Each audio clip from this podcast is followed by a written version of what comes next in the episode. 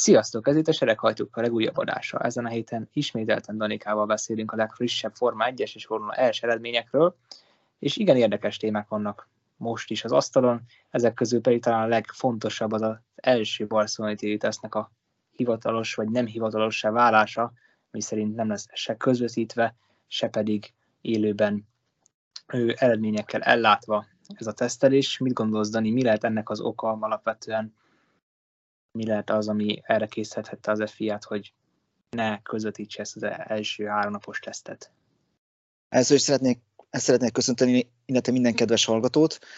Ennek oka a plegykák szerint az, hogy Bahrain szépen fogta, odadott egy számlát a Forma 1 vezetőinek, hogy itt van pár millió, barcelonai tesztről ne legyen semmi hír, kvázi hírzárlat, és akkor nálunk kezdődjön meg a szezon. szezon. Erre pedig Forma vezetői meg megnézték a csekket, látták a sok nullát, és ők meg azt visszat, letették az asztalra, és mondták deal. Így van, és ez egy nagyon érdekes dolog, hogy mennyire kezd átalakulni a Forma egy inkább anyagi szempontból profitális vállalkozásá, bár mondjuk már a jó öreg bőrni alatt is elég sokat nyomott alatba a pénz, de itt azért eléggé csúnyán látszik az már eleve, hogy megkérték a csapatokat, hogy a csapat bemutató autó, bemutató leleplezés során se az igazi festést mutassák majd be, hanem csak Bahreinbe mutassák majd be ezt az igazi festést. Már azzal is készték előkészíteni ezt a Bahreini második tesztelésnek a hangsúlyozását, és most így, hogy teljes hírzárat lesz Barcelonáról, az egyértelműen annak a jele, hogy valóban komoly összeget teltek le az asztalra a sejkek, és, és ezért az F1 mindent megtesz annak érdekében, hogy a szurkolók és mindenki más is a legnagyobb figyelmet majd a Bahreini márciusi tesztelésre fordítsa, és nem Barcelonaira, pedig már szerintem ott is elég sok mindenki fog derülni. Például, hogy melyik csapat kezd talán kezdett elindulni egy jobb vonalon, mit gondolsz, Dani, mennyire derülhet ez ki az első három nap folyamán az eredményekből majd, hogy ki gondolkodott jó irányba, ki tudott elindulni egy megfelelő ösvényen azért egy, tegyük tisztában nem teljes hírzárlat lesz, mert ott lehetnek a még média munkatársak, csak a fontosabb dolgok, mint a live timing, vagy, a, vagy, a, vagy az élő tévés közvetítés, kamerás onboard felvételek mind tiltva lesznek. Így van, amiért, uh, amiből igazából lehetne tanulni. Mert az első három teszt az főleg arról szól, hogy elkezdik kipróbálni a beállításokat, elvégzik az arról méréseket, megnézik, hogy a szimulációban kapott adatok megegyeznek-e a valósággal, és ezt így kívülről nem nagyon lehet így látni, hogy kinek, kinek sikerült jól, kinek sikerült rosszul, amiből egyáltalán tudtak volna egyáltalán így a szurkolók következtetni azok a belső kamerás felvételek. Ne felejtjük el, hogy még korábban 2020-ban a dász az egy Twitter felhasználó szúrta ki először, nem a csapatok, és ő tette ki, hogy így gyerekek ott a Mercedes húzgálja a kormányt. És az ilyen apróságok, finomságok ö, ö, csúszhatnak, kiderülése csúszhat el egy kicsit.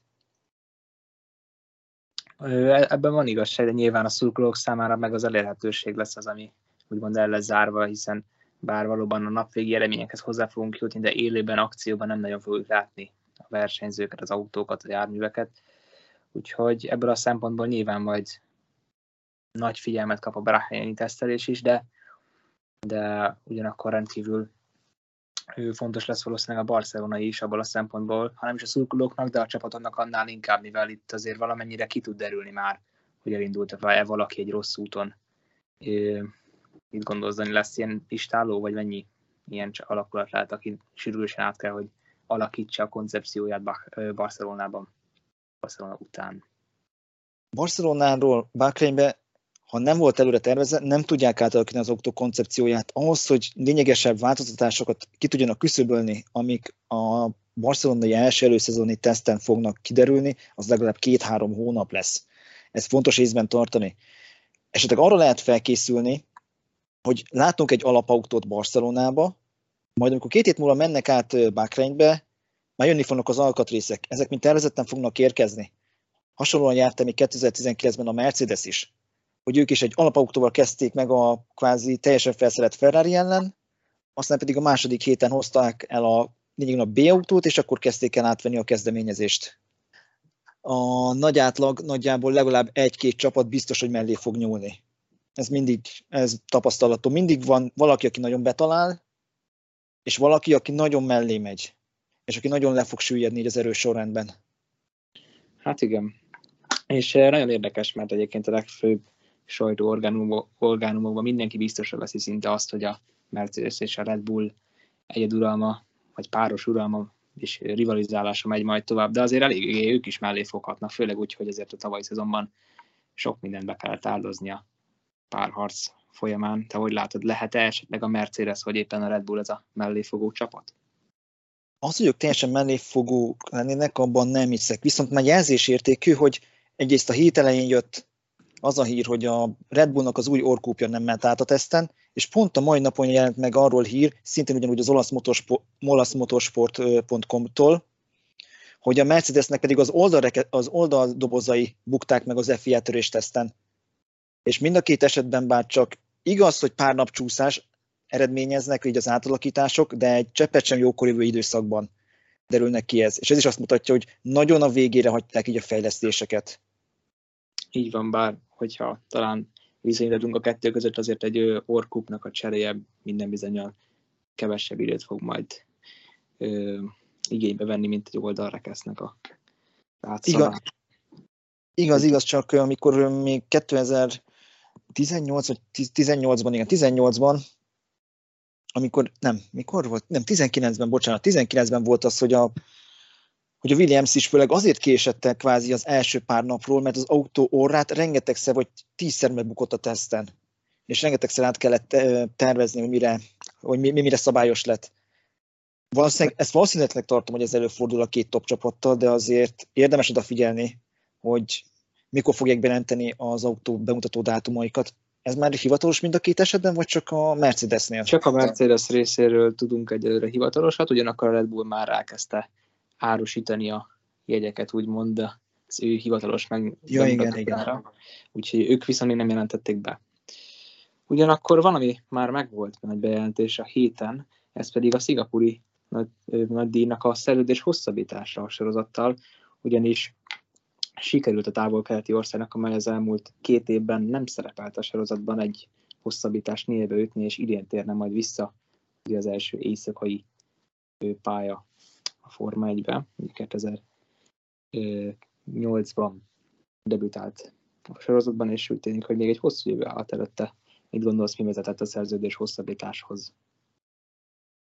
Hát egyértelműen itt is Forma egy részéről egyrészt pénzügyi okok, másrészt Szingapúr részéről inkább az, hogy ezzel is maguk részére csinálnak némi hírvelést. Nem tudom, hogy egyáltalán bármi másról bárki ismeri -e a, a távol-keleti ázsiai városállamot, mint sem a Forma 1-ről. Hát Esetleg még kiemelkedő egészségügye miatt lehet még sok helyen ismer, de, valósz, de valóban a Forma 1 a legnagyobb húzó ereje.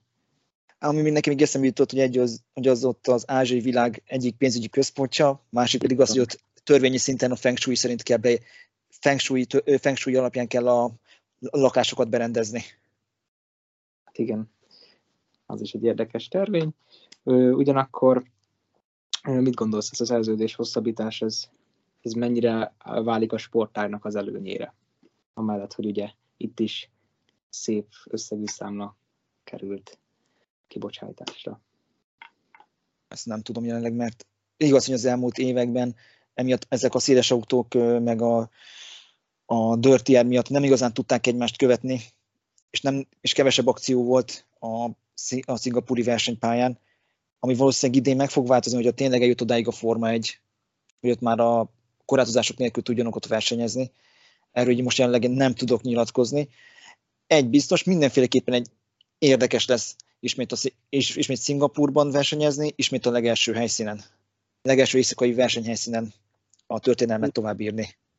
És hát ugye vannak nagyon-nagyon komoly szingapúri specialisták, mint például Fernando Alonso, aki nagyon szíveli a és egyébként remek rajtokat láttunk nem csak tőle, hogy unblock szingapúri pályán, gondolhatunk csak a 2017-es ominózus ja, igen. Verstappen Fettel hármas ütközésre. Igen, az volt, igen, az volt, igen, egyik nap visszanéztem, amikor az volt az, amikor hogyha, hogyha Fett, hogyha ki volt? Igen, Verstappen volt, hogyha Verstappen nem találja el Alonzót, akkor Alonzót harmadik helyen tudott volna befordulni a McLaren Hondával. Így van, és egy páratlan lehetőség lett volna egy remek eredményre. Ugyanakkor... Várjál viszont még, eh, hogyha Szingapúr specialisták, tudod hogy ki a legsikeresebb versenyző Szingapurban? Talán Carlos Sainz, aki ott még komoly eredményeket ért el, bár nyilván nem lett sikeresebb, akkor... Nem, nem. Fettel az öt győzelmével. Ó. Hát akkor ő is örül nyilván ennek a szerződés bejelentésnek, és egy másik lehetséges, potenciális új pályára a szerződés bejelentése is terítéken van elvileg már az F1 vezetőinél, ez pedig a Las Vegas-i verseny lehetősége. Mit gondolsz? Összejön ez az üzlet, úgymond? Láthatunk egy harmadik amerikai pályát is nem sokára az F1-ben? Sajnos a trend azt mutatja, hogy a pénz nem akadály, szóval innentől kezdve Las Vegas kaszinó tulajdonosai múlik, hogy mekkora csekket hajlandók kiállítani a Forma 1 és valószínűleg egy jó szép nagyot, jó, szoká, jó az elmúlt évek tendjeihez mm, alkalmazkodva. Amikor először meghallottam, én még picit még úgy voltam, hogy oké, okay, legyen egy harmadik verseny Amerikába. Nagyjából elfér, de amikor olvastam mellé, hogy éjszakai futamot terveznek, na akkor volt az, hogy gyerekek, ezt talán nem kéne erőltetni. És ennek egyetlen egy oka van, aminek, amiért nem örültem, az pedig az időeltolás. Ha tényleg azt tervezik, hogy az Egyesült Államok nyugati partján egy éjszakai futamot akarnak lebonyolítani, az azt jelenteni az európai, európai illetve ázsiai nézőkre nézve, hogy Európában hétfő hajnali órákban lenne a verseny, Ázsiai, Ázsiában pedig hétfőn délelőtt lenne a verseny, ami nagyon nem lenne előnyös nézettségi adatokat figyelembe véve. Hát igen, ugyanakkor ez korábban se volt akadása a szurkolóknak, se az f sok ízben, hogy például távol-keleti díjak kapcsán igen korán kellett kelni az európai nézőknek, pláne az amerikaiaknak. Szóval ilyen szempontból egy picit most az amerikaiak látnének a nevető nézők, úgymond, míg az ázsiai lennének hátrányban. Ez tény, viszont teljesen más a helyzet egy, hét, egy vasárnap hajnali futamnézés, illetve egy hétfő hajnal, illetve hétfő délelőtt között szerintem legalábbis így a munkás emberek, illetve az iskolajárók tekintetében. Ebben van igazság, és valószínűleg ezt nyilván számításba is veszik majd a sorozat képviselői. Én úgy vagyok vele személy szerint, hogy egyszer egy évbe beleférhet, sokak szerintem ezt fogják választani, de esetre igen érdekes körülmények lennének.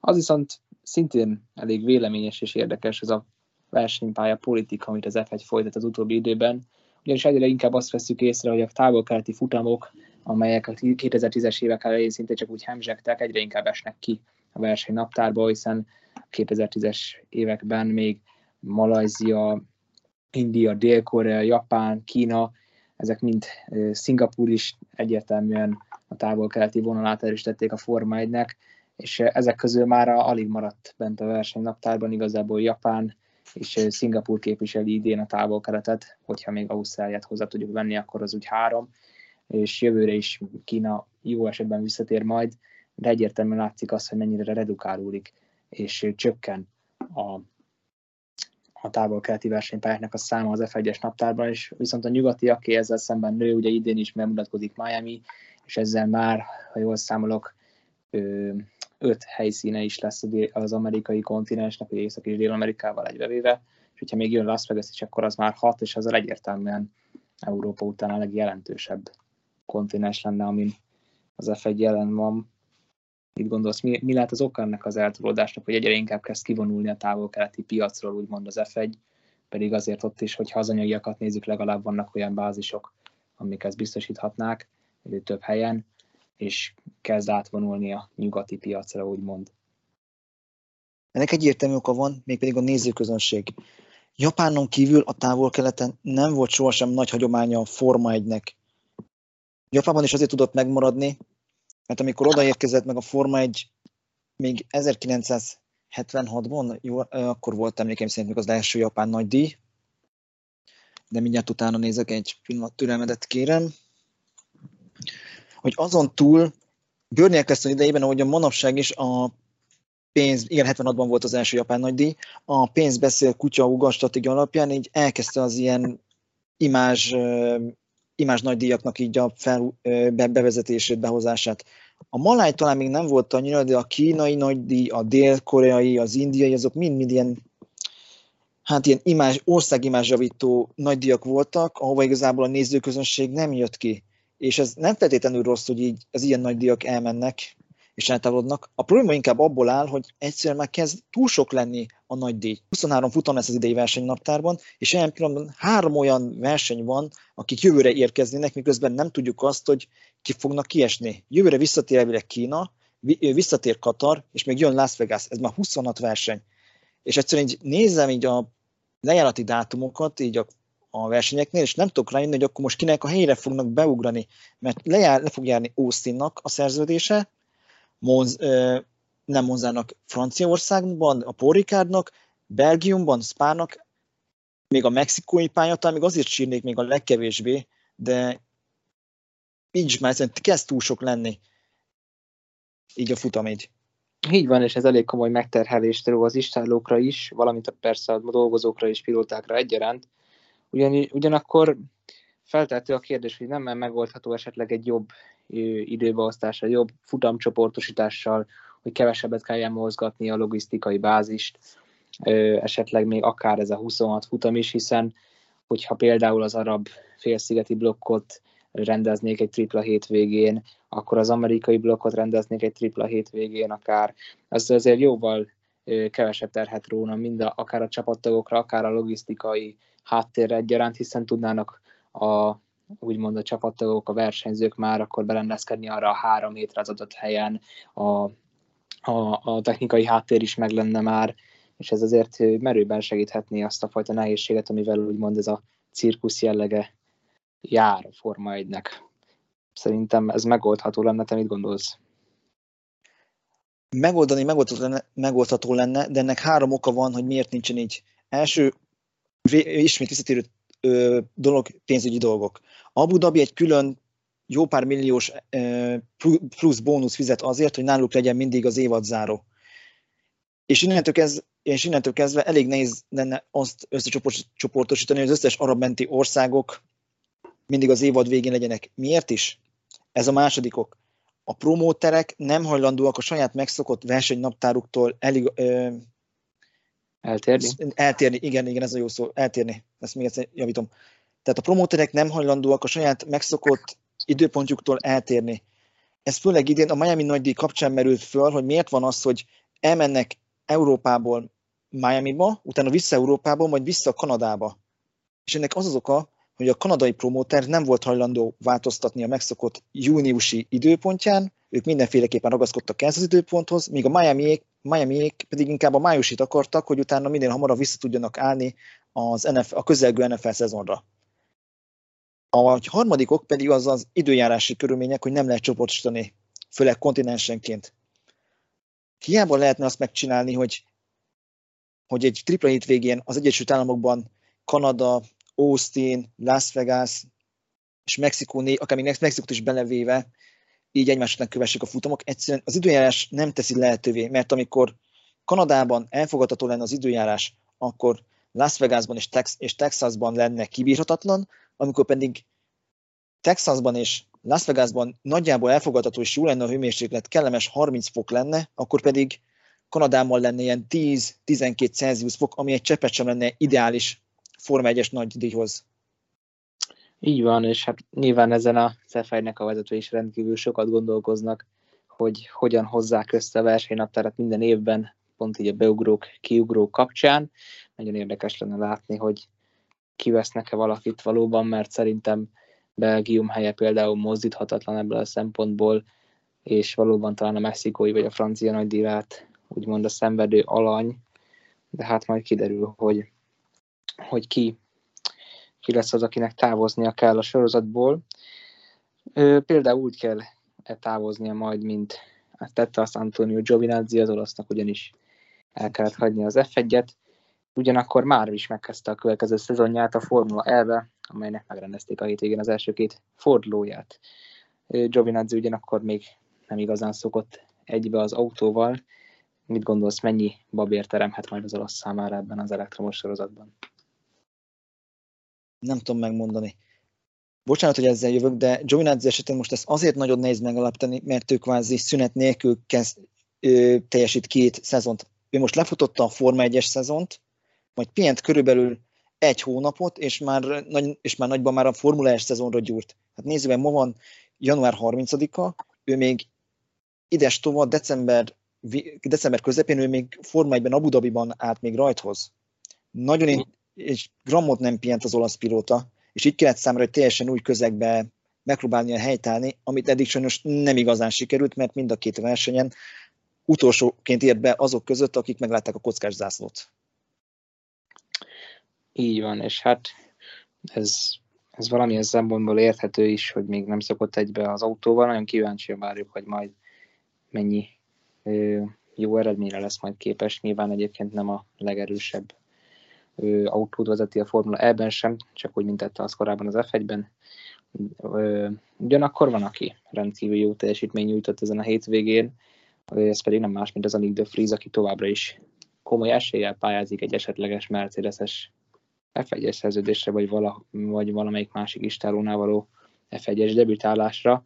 A holland pilóta remekül nyitotta az első fordulóval ezt a bajnokságot, és győzelmet aratott a harmadik helyre rajtolva, majd megszerezte a pozíciót a második futamon, futamra, ami ugyanakkor kisebb összetűzésbe kellett Zsánerik verni, azért csak egy pontot szerzett, és jelenleg a címvédőként a bajnokság második helyén áll. Mit gondolsz, lehet még esetleg De Vries számára út az F1-be?